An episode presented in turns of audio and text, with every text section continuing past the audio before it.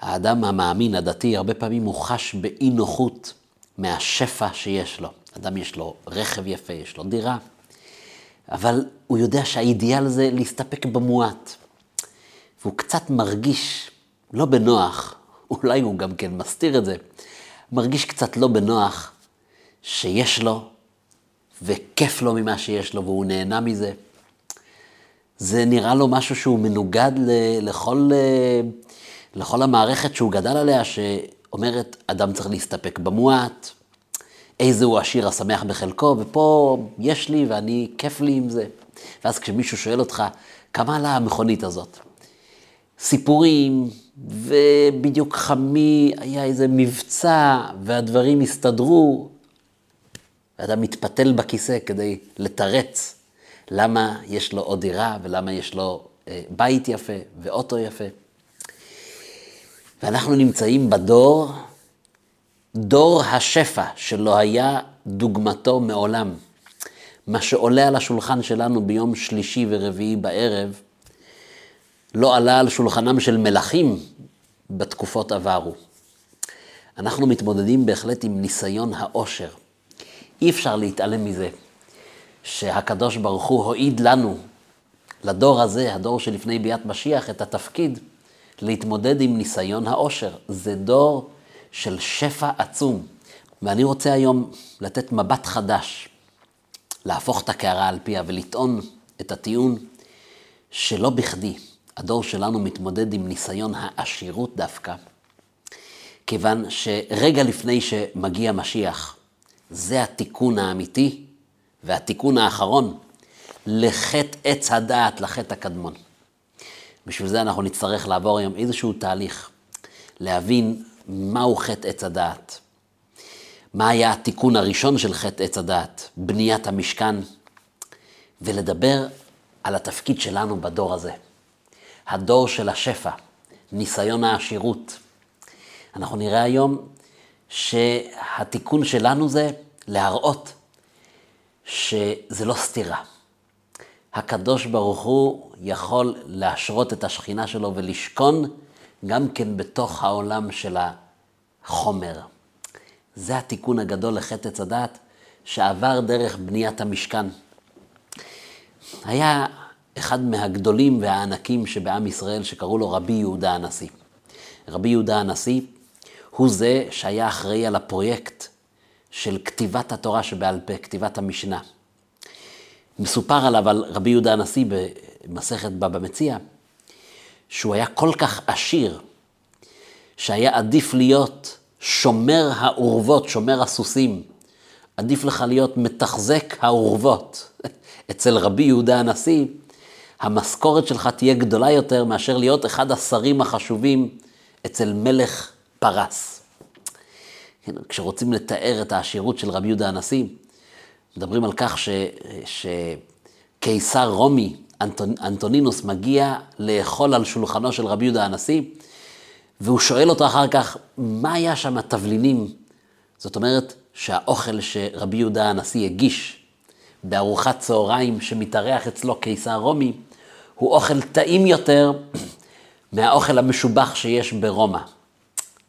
כן, ורבי יהודה הנשיא עונה לו שזה תבלין יש לנו ושבת שמו, וזה תבלין שעובד רק למי ששומר את השבת.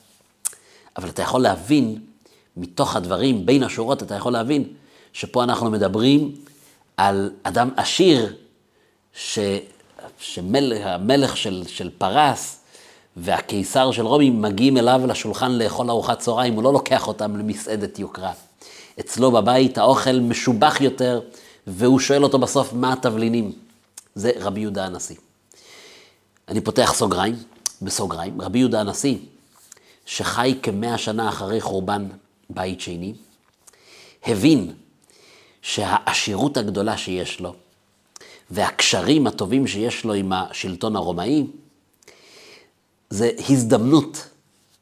הוא בבחינת איזו חכם הרואה את הנולד, הוא הבין מה, ש... מה, מה ילד יום. הוא הבין שעם ישראל עתיד להתפזר לכל עבר, והוא הבין שעכשיו, זה שהקדוש ברוך הוא שם אותו בצומת הזאת, בזמן שהוא נמצא ביחסים טובים ויש לו את הכסף להחזיק פרויקט כזה ענק, אז הוא אמר, עת לעשות להשם הפרו תורתך, וכתב, זאת אומרת, הוא והצוות שהוא מימן, כתבו את המשנה, אה, ערך את המשנה, מה, ש, אה, מה שנשאר בחוץ בתוספתא, מה שנשאר בפנים, זה השישה סדרי משנה. בעצם הפרויקט הזה הציל את התורה שבעל פה שלנו. זה רבי יהודה הנשיא. סוגר סוגריים.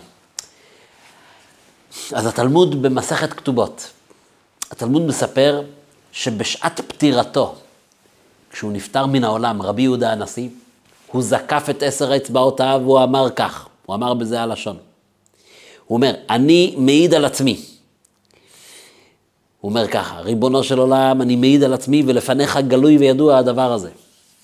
שעשר אצבעות האלה, הם עמלו בתורה, אבל אני מעיד על עצמי ואתה יודע שלא נהניתי מעולם הזה אפילו באצבע קטנה.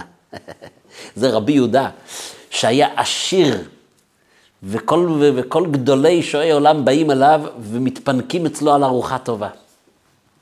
והוא מעיד על עצמו ואומר, ריבונו של עולם, אתה יודע, גלוי וידוע לפניך, שלא נהניתי מעולם הזה אפילו באצבע הקטנה שלי. איך מסדרים את, ה... את הדיסוננס הזה? רבי יהודה הנשיא העשיר יותר מ... הוא אומר שהוא לא נהנה מהעולם הזה כלום? התשובה היא כן. אז יש כאן איזושהי נוסחה של רבי יהודה הנשיא שאנחנו צריכים להבין אותה וליישם אותה בחיים שלנו. התשובה היא כן, רבי יהודה הנשיא לא נהנה מעולם הזה. רבי יהודה הנשיא היה כל הזמן חדור מטרה, חדור בשליחות, חדור בייעוד שלו. הוא רואה בכסף עוד כלי כדי להביא ליישום את השליחות הגדולה המיוחדת שלו. כן, כתיבת המשנה, להפעיל את הקשרים שלו לטובת עם ישראל. רבי יהודה הנשיא לא רואה בכסף שלו איזו סתירה לעבודת השם, לעבודת הקל. אדרבה, הוא מכיר בעשירות שלו, והוא רואה בזה עוד כלי לשרת את הקדוש ברוך הוא. אני משרת. הנוסחה הזאת היא הנוסחה והיא הכותרת של השיעור שלנו היום. יש לך עשירות, ולאו דווקא עשירות בכסף או בנכסים. יש לך איזה כישרון טוב, יש לך כישרון שהקדוש ברוך הוא בירך אותך, אל תתחמק מהכישרון הזה. ואל תטאטא אותו מתחת לשטיח. ואם מישהו בא ואומר לך, אתה יש לך קול יפה, תיגש בבקשה לתפילת שבת. אומר, לא, אני, לא שומעים אותי, אני כל כך צרוד, אני לא יודע, אני לא מכיר. לא. האדם צריך לומר, אני מכיר בכישורים שלי, ואני יודע שזה מתנת הקדוש ברוך הוא בשביל לממש את הייעוד שלי, אני משרת שלו. אם אנחנו ניקח את הנוסחה הזאת לחיים שלנו, אנחנו בעצם משכינים שלום בין עולם הרוח לעולם החומר והגשם, ואנחנו אומרים, אין סתירה, אדרבה. הכל נועד לשרת אותו. המדרש אומר את המשפט הבא: לא היה העולם ראוי להשתמש בזהב. זהב בעולם זה מיותר, העולם יכול להתקיים גם בלי זהב. זהב זה משהו שהוא הוא, הוא משאב מדי יקר, מדי, מדי זך. אין העולם ראוי להשתמש בזהב. ולמה נברא הזהב? הזהב נברא בשביל בית המקדש. והיות שכבר הוא נברא, אז הוא נברא בכמות גדולה וכל העולם נהנה ממנו. רבי לקח את המשפט הזה, הוא אומר, יש כאן עומק במאמר הזה של, של חז"ל, יש בו איזה עומק. למעשה, אפשר לומר את זה על כל כישרון מיוחד, על כל עשירות מיוחדת. אתה יודע למה זה נברא? הקדוש ברוך הוא ברא את זה בשביל בית המקדש. בשביל שתוכל גם בזה לשרת את הקדוש ברוך הוא. אה, היות שזה נברא, אז נו, שכל העולם משתמש בזה. אז יש אדם שהוא אה, שמח. הקדוש ברוך הוא חנן אותו בפתיחות הלב, בשמחה. והוא מנצל את זה, הוא מנצל את זה לדברים טובים. אז, אה, אז הוא, הוא משמח יהודים, ו... והוא עושה, עושה עם, ואם כבר, אז שיהנו כולם, אז, אז כיף להיות במחיצתו, והוא משתמש בזה גם כן ביום-יום. מה רע? כל עוד שהוא מבין שזה כישרון שהקדוש ברוך הוא נתן לו כדי שהוא ייתן מעצמו הלאה, כדי שאתה תהיה משפיע, שתהיה משרת, שזה לא יעצור אצלך. אז אתה בעצם לוקח כאן איזה משאב ואתה משתמש בו לשם שמיים, אתה משתמש בו לצורך המטרה, לצורך הקדוש ברוך הוא. במילים אחרות, האדם יכול לקחת את כל הזהב ולשמור את זה אצלו, ואז הוא מועל בתפקיד. או הוא יכול להבין שהזהב נברא בשביל שאני אקח את זה כדי להעביר את זה הלאה. הדברים זורמים דרכי. יש לי חוש מיוחד, יש לי איזה כישרון מיוחד, יש לי איזה עושר מיוחד, יש לי רכוש מיוחד. זה לא נועד בשביל לספק את האגו שלי, אלא אני כאן איזשהו מוליך לבית המקדש, ושכנתי בתוכם. כך, כך מיישמים את ה"ושכנתי בתוכם". אז אני רוצה לחזור לשיעור שלנו. אנחנו טוענים היום שהמקום הראשון שאנחנו מוצאים בושה, אדם מתבייש, זה מיד אחרי חטא עץ הדעת. לפני חטא עץ הדעת, אדם וחווה הולכים בגן עדן, עירומים, ולא התבוששו, לא היה מושג של בושה. מתי מתחיל המושג של בושה? מתי מופיע הבושה? אחרי החטא. פתאום נקיפות מצפון ובושה מאוד גדולה. והוא מסתתר מהאלוקים. הוא לא יכול להראות את הפנים שלו, והוא מחפש עלי תאנה כדי להחביא את עצמו. מה, מה קרה כאן? מתי מופיעה הבושה הזאת? כי אם אנחנו נבין את המנגנון הזה, נבין מה קרה בחטא עץ הדעת, שמוביל מיד לבושה. אנחנו נבין מה זה היה המשכן, שכל הזהב שבעולם הוא נועד בשביל המשכן תיקון לחטא עץ הדעת, כי שוב פעם השכינה שורה בעולם.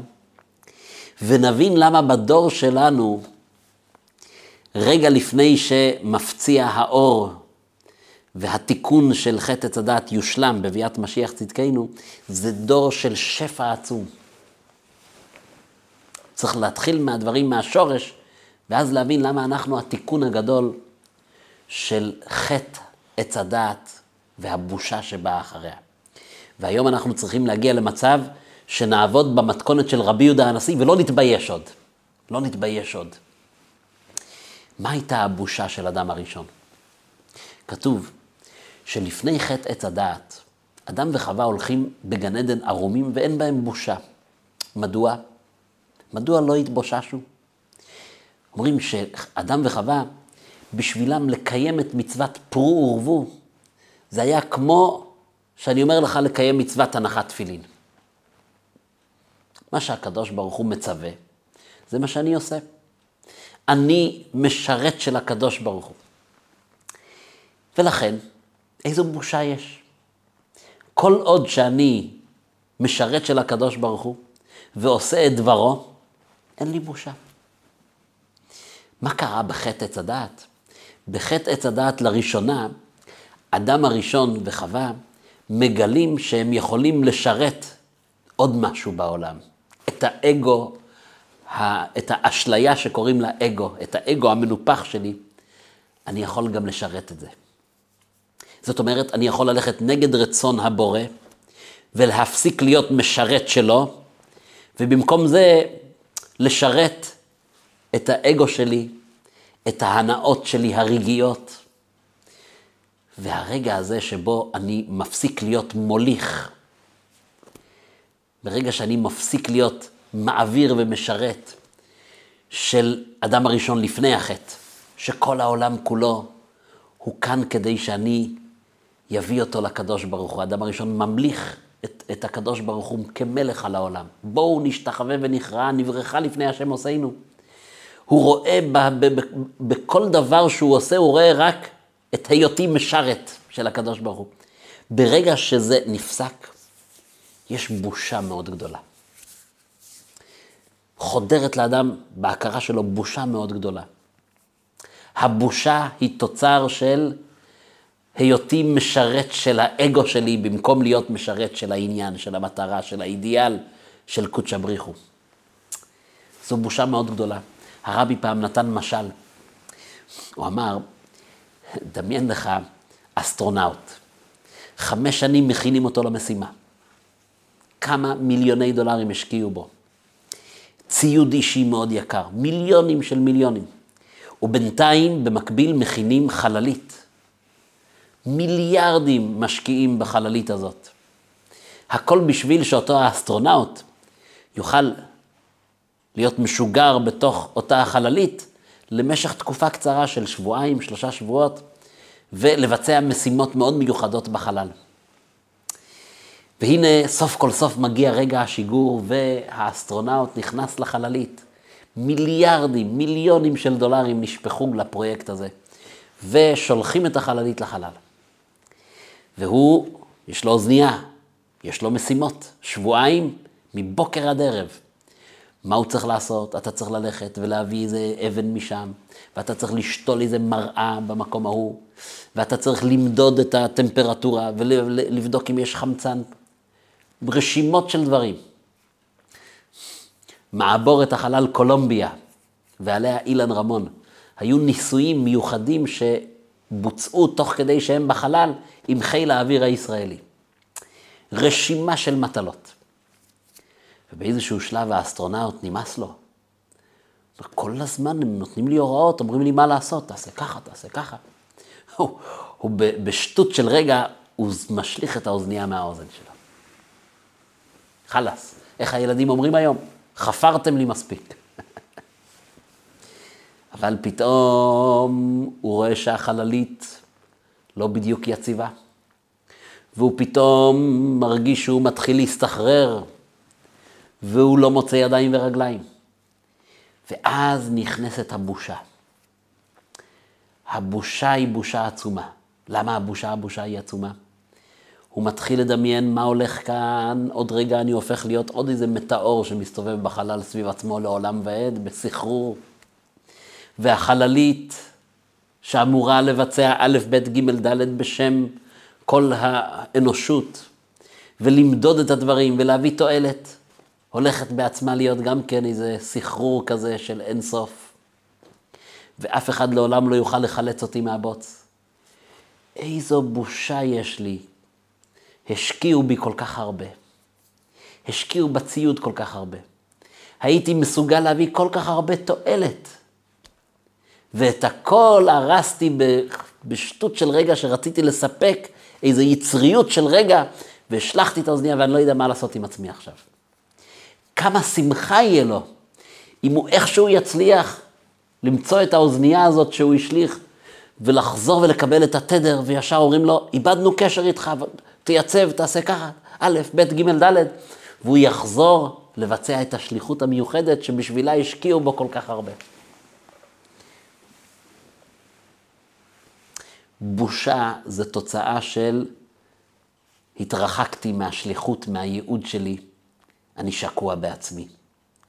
ואת כל מה שעשו כאן בשבילי, את כל העולם הזה שבראו בשבילי, את הכל אני לוקח פנימה ולא מוכן לשחרר. במקום להיות מוליך של האור ולהיות מלא בסיפוק ובעונג ומלא באושר, אני עוצר את הכל עם המחלה שנקראת אגו. ולכן, כאשר מגיע הרגע של בניית המשכן, זה רגע מכונן. כי עם ישראל, ויקחו לי תרומה, לוקחים את כל מה שיש להם. הכסף והזהב, תביאו תכלת וארגמן וכל הדברים העיקריים והכישורים שיש לכם. זה טוב בבנייה, זה טוב בתביעה. הנשים אשר נשא ליבה, ליבה נותנה, תבוא את העיזים. תביא את הכישורים שלך ונבנה עם זה משכן לקדוש ברוך הוא. הנה התיקון לחטא עץ הדעת. אז מה המשפט הזה אומר? כל הזהב שבעולם הוא נברא בשביל מה? הוא נברא בשביל הקדוש ברוך הוא. זה המשפט. המשפט הוא משפט עמוק, שמדבר אליי היום. כל הכישורים שיש לך, כל הכסף והזהב שיש לך, כל מה, שבר, כל מה שברא הקדוש ברוך הוא בעולמו, לא ברא אלא לכבודו. האם תבין את זה? שאתה כאן כדי להיות משרת של הקדוש ברוך הוא? אתה יודע איזה עונג יהיה לך? איזה סיפוק יהיה לך ברגע הזה שאתה תבין שאתה לא כאן כדי לקחת הכל לאגו שלך, אתה לא כאן כדי לבלום את הכל ולעצור את זה אצלך, אלא אתה חלק מהזרימה של כל העולם. הפרה נותנת חלב, הדבורה נותנת דבש, ואתה האדם נותן את הכישורים שלך, משפיע את זה ועושה טוב לשני, ועושה טוב לעולם, ועושה טוב לקדוש ברוך הוא. ואז אתה הופך להיות חלק מהיצירה המופלאה הזאת של ההשפעה של העולם. זה הסוד של הזהב והכסף בלי בושה. יש לכך דוגמה, דוגמה מצוינת שנקראת במשכן אור התחש. היו אה, הכיסויים של הכלים והכיסוי על המשכן היה אור מחיה שקראו לה תחש. רש"י אומר שהתחש היא הייתה חיה שנכחדה, אין אותה היום, ולאותה שעה היא נבראה. זאת אומרת, גילו אותה ממש לפני בניית המשכן, והיא הוכחדה ואין אותה יותר אחרי בניית המשכן. והיא הייתה אה, צבעונית מאוד, מאוד יפה, החיה הזאת, והאור שלה, שהיה מלא בצבעוניות, הוא היה האור ש... שממנו הכינו את הכיסוי למשכן ולכלים. אז אה, אונקלוס, שמתרגם את התורה לארמית, הוא צריך לתרגם את המילה תחש, עכשיו בתקופתו כבר אין תחש. הוא קורא לה, לחיה הזאת, הוא קורא לה ססגונה. שש בגוונים שלו, שמח בגוונים שלו. זאת אומרת, אתה חיה צבעונית ויפה, עם אור שיש לו כל כך הרבה גוונים. שש גונה. אתה פוגש את התחש, אתה אומר לו, אתה יודע שאתה יפה מאוד? יש לך, אתה כזה, יש לך הרבה גוונים. התחש לא מתחמק ומתחיל להתפתל ולומר, לא, אני לא כל כך יפה, יש, יש יותר יפים. לא. הוא שש ושמח בגוונים שלו. ואתה שואל אותו, למה אתה כל כך שמח במעלות שלך? עונה לך התחש, כי אני נבראתי ל-20 שנה בסך הכל, 30 שנה, 10 שנים. אני כאן עם מטרה מאוד מוגדרת. אני הגעתי לעולם כדי שלמשכן יהיה כיסוי כזה צבעוני. זה היופי שיש בי. הוא לא מסתיר את היופי שלו, הוא לא מתכחש למעלות שלו, הוא שש ושמח שהקדוש ברוך הוא בחר בו וברא אותו עם כל הצבעוניות הזאת, כדי שהמשכן יהיה צבעוני ויפה. ומכאן אדם ילמד על החיים, על החיים, של, על החיים של עצמו. אל תתחבא, אל תטאטא, אל תטאטא מתחת לשטיח, אל תסתתר, תכיר במעלות שלך, תכיר בעשירות שהקדוש ברוך הוא נתן לך, ותזכור כל הזמן את המתכון של רבי יהודה הנשיא, את הנוסחה שלימד אותנו רבי יהודה הנשיא. אני הולך לישון בערב, זוקף עשר אצבעות ואומר, ריבונו של עולם, אני היום השתדלתי כפי יכולתי, אולי לא ברמה של רבי יהודה הנשיא, אבל ברמה של אדם פשוט כמוני. השתדלתי לנצל את כל הבריאה המופלאה שאתה בראת בעולם בשבילי, כולל כל השפע שנתת לי. השתדלתי לנצל את הכל כדי לעשות טוב בעולם. ואתה הולך לישון בלי נקיפות מצפון ובלי להתבייש. אתה שש גונה. אתה שמח בכל מה שהקדוש ברוך הוא העניק לך, כי אתה יודע שאתה לא עצרת את זה אצלך באגו כמו אדם הראשון שפתאום עצר את כל השפע והתמלא בבושה. אלא אתה חלק מההשפעה הזאת של העולם. יש לכך דוגמה יפה במשכן, במנורה.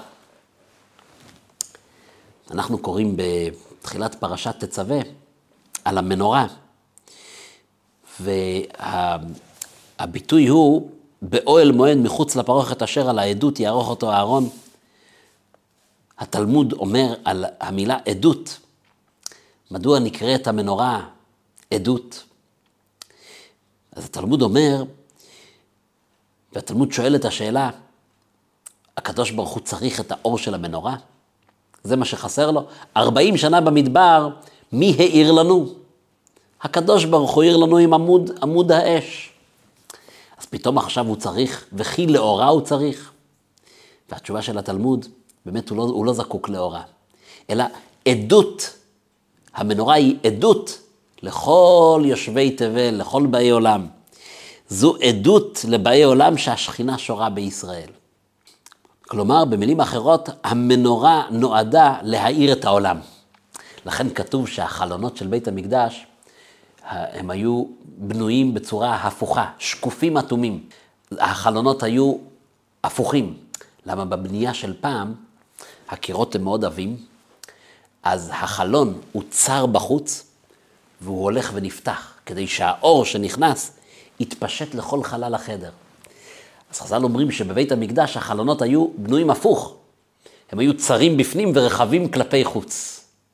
האור של המנורה, של המקדש, של המשכן, הוא אמור להתפשט החוצה, להאיר את כל העולם כולו.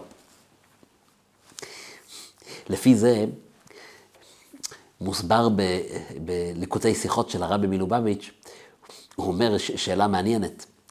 הרמב"ם, בפירוש המשניות שלו, בחיבור של פירוש המשניות, הוא מצייר ציור, יש את זה, רואים את הציור בכתב יד של הרמב"ם, הוא מצייר את המנורה. הוא אמנם כותב, אל תסמכו על הציור שלי, אני לא צייר, זה לא מדויק, אבל בכל זאת, הציור של הרמב"ם הוא ציור מפורסם, ודרך אגב, בציור של הרמב"ם, המנורה היא לא עגולה, אלא עם קנים אלכסונים. כמו החנוכיות של החבדניקים. ראיתם פעם חנוכיה של חבדניק? זה עשוי בקנים אלכסונים. אבל יש שם דבר פלא. המנורה היו בה קישוטים. גביעים, שקדים, כפתורים, והגביעים שהיו מאתרים, צורה של גביע בתוך הזהב, שהיו מאתרים את המנורה, אז uh, התלמוד אומר שהגביעים הם היו uh, כוס אלכסנדרי. כנראה זה היה המותג של אותם ימים, כולם הכירו את הכוס האלכסנדרית. רש"י מסביר שזו כוס שבקרקעית שלה היא צרה, והיא הולכת ומתרחבת. זאת אומרת, הפייה רחבה והתחתית צרה. אז כך הצורה של אה, אותם גביעים שהיו מאתרים את המנורה. כאן מגיעה השאלה והפלא. הרמב"ם בציור שלו, הוא מצייר את כל הגביעים, 18 גביעים, הוא מצייר אותם כשהם מאתרים את המנורה, אבל הגביע הוא הפוך. כוס הפוכה. החלק קצר למעלה והוא נשפך ללמטה. כך 18 גביעים. ושואלים, כולם שואלים את השאלה, מאיפה הייתה לו מסורת לרמב"ם שהגביעים הם הפוכים? למה, למה הפוך? הרי בבית המקדש הכל אמור להיות לפי צורת הגידול שלו. הקרשים, לפי צורת הגידול שלהם. הדברים צריכים להיות בצורה ישרה, לא בצורה הפוכה. אז התשובה של הרבי, הוא אומר, בהתאם למנורה שמפיצה את האור החוצה. הוא אומר, הגביע, הכוס, יש לו בעצם שני תפקידים. הוא אוגר, הנה אני שם משקה בתוך הכוס, הוא אוגר את המשקה. זה התפקיד של החלק התחתון. ואז יש את החלק העליון, את השפה של הכלי. מה התפקיד השני של הכוס? להשפיע, להתהפך. אוי ואבוי אם אני רק שם דברים בכוס כדי לשמור אותם. ודאי שלא. המטרה שלי, של הכוס, היא שזה יהיה משפיע. אם הכוס הוא רק אוגר, אני לא צריך כוס, מספיק לי הבקבוק, מספיק לי הסיר. למה העברתי את זה מהבקבוק לכוס? למה העברתי מהסיר לתוך הכוס, לתוך הצלחת? כי כאן יש כבר עוד תפקיד לכוס, והוא להשפיע, להוליך את השפע הלאה. אם כן, הוא אומר, לפי זה מובן, בית המקדש זה מקום שאם יש גביעים, הם גביעים הפוכים. התפקיד שלך בבית המקדש, תיקון לחטא עץ הדעת, זה להבין שאתה מוליך ומשפיע וחלילה לא עוצר את כל השפע של העולם. האדם משתמש בכל המשאבים שבעולם, דומם, צומח, חי, הכל מגיע אליו ונשמור בבנק. נחביא את זה, נטאטא את זה מתחת לשטיח, אני לא מוכשר, לא, זה, זה טעות. חלילה. התפקיד שלך זה התפקיד של המשכן. הזהב נברא בשביל המשכן, ואם הוא נברא, הוא ישמש את העולם כולו. התפקיד שלך זה להיות עם גביע הפוך, עם מנורה שמשפיעה החוצה. ואז אתה מפסיק להתבייש במי שאתה ובמה שאתה ובמה שהקדוש ברוך הוא חנן אותך, אתה הופך להיות שש גונה. שמח בגוונים, בצבעוניות שלך. שמח ומאושר וחולק את זה, את השפע הזה, בגלל שאתה מבין שיש לך תפקיד כאן להשפיע את זה הלאה. האם נצליח בחיים שלנו לעבוד עם הנוסחה הזאת של רבי יהודה הנשיא? להבין שגם בדור של עושר גדול ושפע גדול, זה הכל נועד כדי שאני אהיה משרת של הקדוש ברוך הוא. שאני כאן כדי להשפיע טוב וחסד לסובבים אותי, כדי להשפיע טוב וחסד ולהיות משרת של הקדוש ברוך הוא. אם אני מצליח במשימה הזאת, אני עושה תיקון גדול לחטא עץ הדעת. ולמעשה, התיקון הזה של חטא עץ הדעת, כשאני מתקן את חטא עץ הדעת, הוא מביא אותי להכרה שהקדוש ברוך הוא, תכלית הרוחניות, והעולם הגשמי, הזהב והכסף, הם לא בהתנגשות, הם יכולים לשכון בהרמוניה. הבאתי גאולה לעולם. זה התפקיד שלנו בדור האחרון לפני ביאת משיח. התפקיד שלנו זה למצוא את הנוסחה, לחבר שמיים וארץ בצורה כזאת שהם מתמזגים לגמרי. איך אני עושה את זה? כשאני בחיים שלי הפרטיים לא רואה בכך סתירה, אלא זוכר כל הזמן שהוא, הקדוש ברוך הוא, נתן לי כוח לעשות חיל, ואני אשרת אותו עם הכוח הזה, עם הכישורים האלה. אבא, אבי ז"ל, הרב יוסף מרטון, היו בו שילוב נדיר של כישורים. הוא היה אה, גרפיקאי, היה טוב מאוד בקליגרפיה, והיה מוזיקאי. ולכן לפרנסתו, אבא בתקופה ההיא שלפני המחשב, היה משרטט תווים. ובנוסף מנצח על, על, על מקהלה, והיה עובד אה, לפרנסתו גם בתחום של קליגרפיה, איך שזה מתחבר עם, עם מוזיקה, ובעצמו היה, אה, היה מנצח של מקהלת קאמרי בחיפה. לימים הוא הגיע לחב"ד. ולמד בישיבה של חב"ד, ואני מדלג, הוא שולח מכתב לרבי מלובביץ'. מה אני צריך לעשות עם כל הכישורים האלה? זהו, אני צריך לעזוב את זה, אני צריך להשאיר את זה בצד? עכשיו שחשקה נפשי בתורה ובתורת החסידות, מה אני עושה עם כל זה? התשובה של הרבי כדרכו הייתה, חס ושלום. אם יש לך כישרון, אתה צריך לנצל את זה בצורה מקסימלית. ולנצל את זה לקדושה.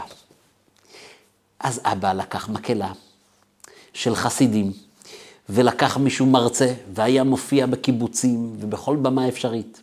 מנגנים ניגוני חב"ד, והמרצה מדבר תורת חב"ד ומדבר תורת, תורת היהדות, ואחרי זה שרטוט של תווים של ספר הניגונים של חב"ד.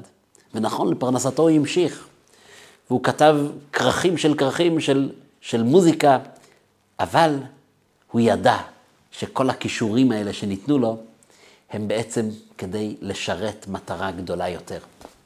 לא רק כדי שאני ארוויח, כדי שאני אאגור, כדי שאני אשמור את הכל אצלי. זה החלק התחתון של הכוס, לא. כדי להשפיע ולהעביר הלאה את הדברים. אני אסיים בסיפור.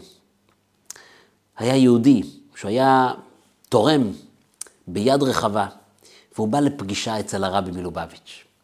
והרבי במפתיע שואל אותו את השאלה הבאה. הוא אומר, ביהדות תמיד ימין זה ראשון. אנחנו צדקה ביד ימין, הכל זה תמיד ימין ראשון, וכל פניותיך היו לימין. הוא אומר, המוח, אני מבין שזה איבר כל כך חשוב, אז הוא יושב במרכז של הגוף, לשלוט גם על צד ימין וגם על צד שמאל. אבל הלב, הלב שהוא האיבר השני בחשיבותו, הוא לא יושב באמצע, הוא יושב בצד שמאל. והוא שואל אותו, מדוע זה כך? למה הלב נמצא בצד שמאל? אם אתה רוצה לשים אותו באמצע, אני אבין, אבל אם כבר אתה בוחר צד, אז למה לא בצד ימין? והרבי ענה תשובה מקורית. הוא אמר, מה זה הלב? הלב זה המקום של הרגש. הרגש הוא המקום שאני צריך להרגיש אותך. המקום של האהבה והחמלה והרחמים. זה הלב, הלב הוא המקום של הרגשות. ולכן הלב נמצא במקום הנכון. כי כשאני פוגש אותך, כשאני פוגש יהודי שני שבא מולי, הלב שלי נמצא בצד ימין שלו. הלב הוא לא בשבילי, הלב הוא בשבילך. והלב שלך הוא בשבילי. ולכן הלב שלי נמצא בצד ימין שלך, והלב שלך נמצא בצד ימין שלי. התפיסה הזאת היא התפיסה הנכונה של החיים. הלב שהקדוש ברוך הוא נתן לי אמור להיות בצד ימין שלך. אני מוליך של השפע הזה שעובר דרכי. זכיתי, הקדוש ברוך הוא זיכה אותי, שהשפע הזה יעבור דרכי, ואני מוליך של האור הזה הלאה. אני כאן כדי לעשות טוב וחסד.